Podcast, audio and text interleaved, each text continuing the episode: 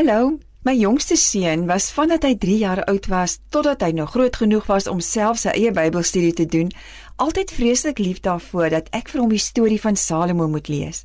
Hy was baie beïndruk dat Salomo eerder vir God wysheid gevra het as geld. En ook dat God so bly was daaroor dat hy vir Salomo nie net ongekende wysheid gegee het nie, maar toe ook 'n baie ryk man gemaak het.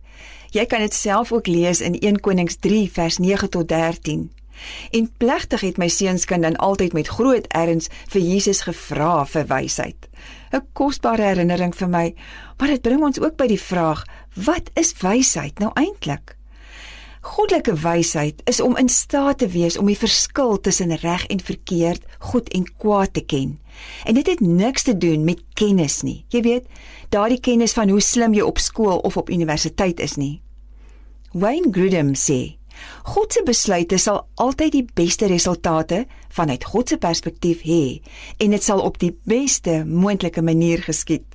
Dit is 'n goeie definisie vir jou. As ons dit op ons lewe moet toepas, beteken dit dat as ek en jy waarlik wys is, sal ons besluite neem en op so 'n manier optree dat ons God altyd eerste sal stel en hom sal wil behaag. Psalm 111 vers 10 sê: Wysheid begin met die dien van die Here. Almal wat dit doen, het ware insig. Die teendeel hiervan is ook skrikwekkend waar. As ons nie gehoorsaam is aan God en sy goeie leiding in ons lewens nie en eerder ons eie kop wil volg, dan is ons dwaas. As jy na die karaktereienskappe van 'n persoon met goddelike wysheid soek, kan jy gerus ook Jakobus 3 vers 13 tot 18 lees. Daar is Kom ek noem hulle net gou vir jou. Dis om nederig te wees, goeie dade teenoor ander, sagmoedig, bedagsaam, vredeliewend, vergeef maklik, opreg en laastens om onpartydig te wees. Een ding wat alle mense in gemeen het, is dat hulle gelukkig wil wees. Die probleem is dat ons dit soms op verkeerde plekke en op 'n verkeerde manier najag.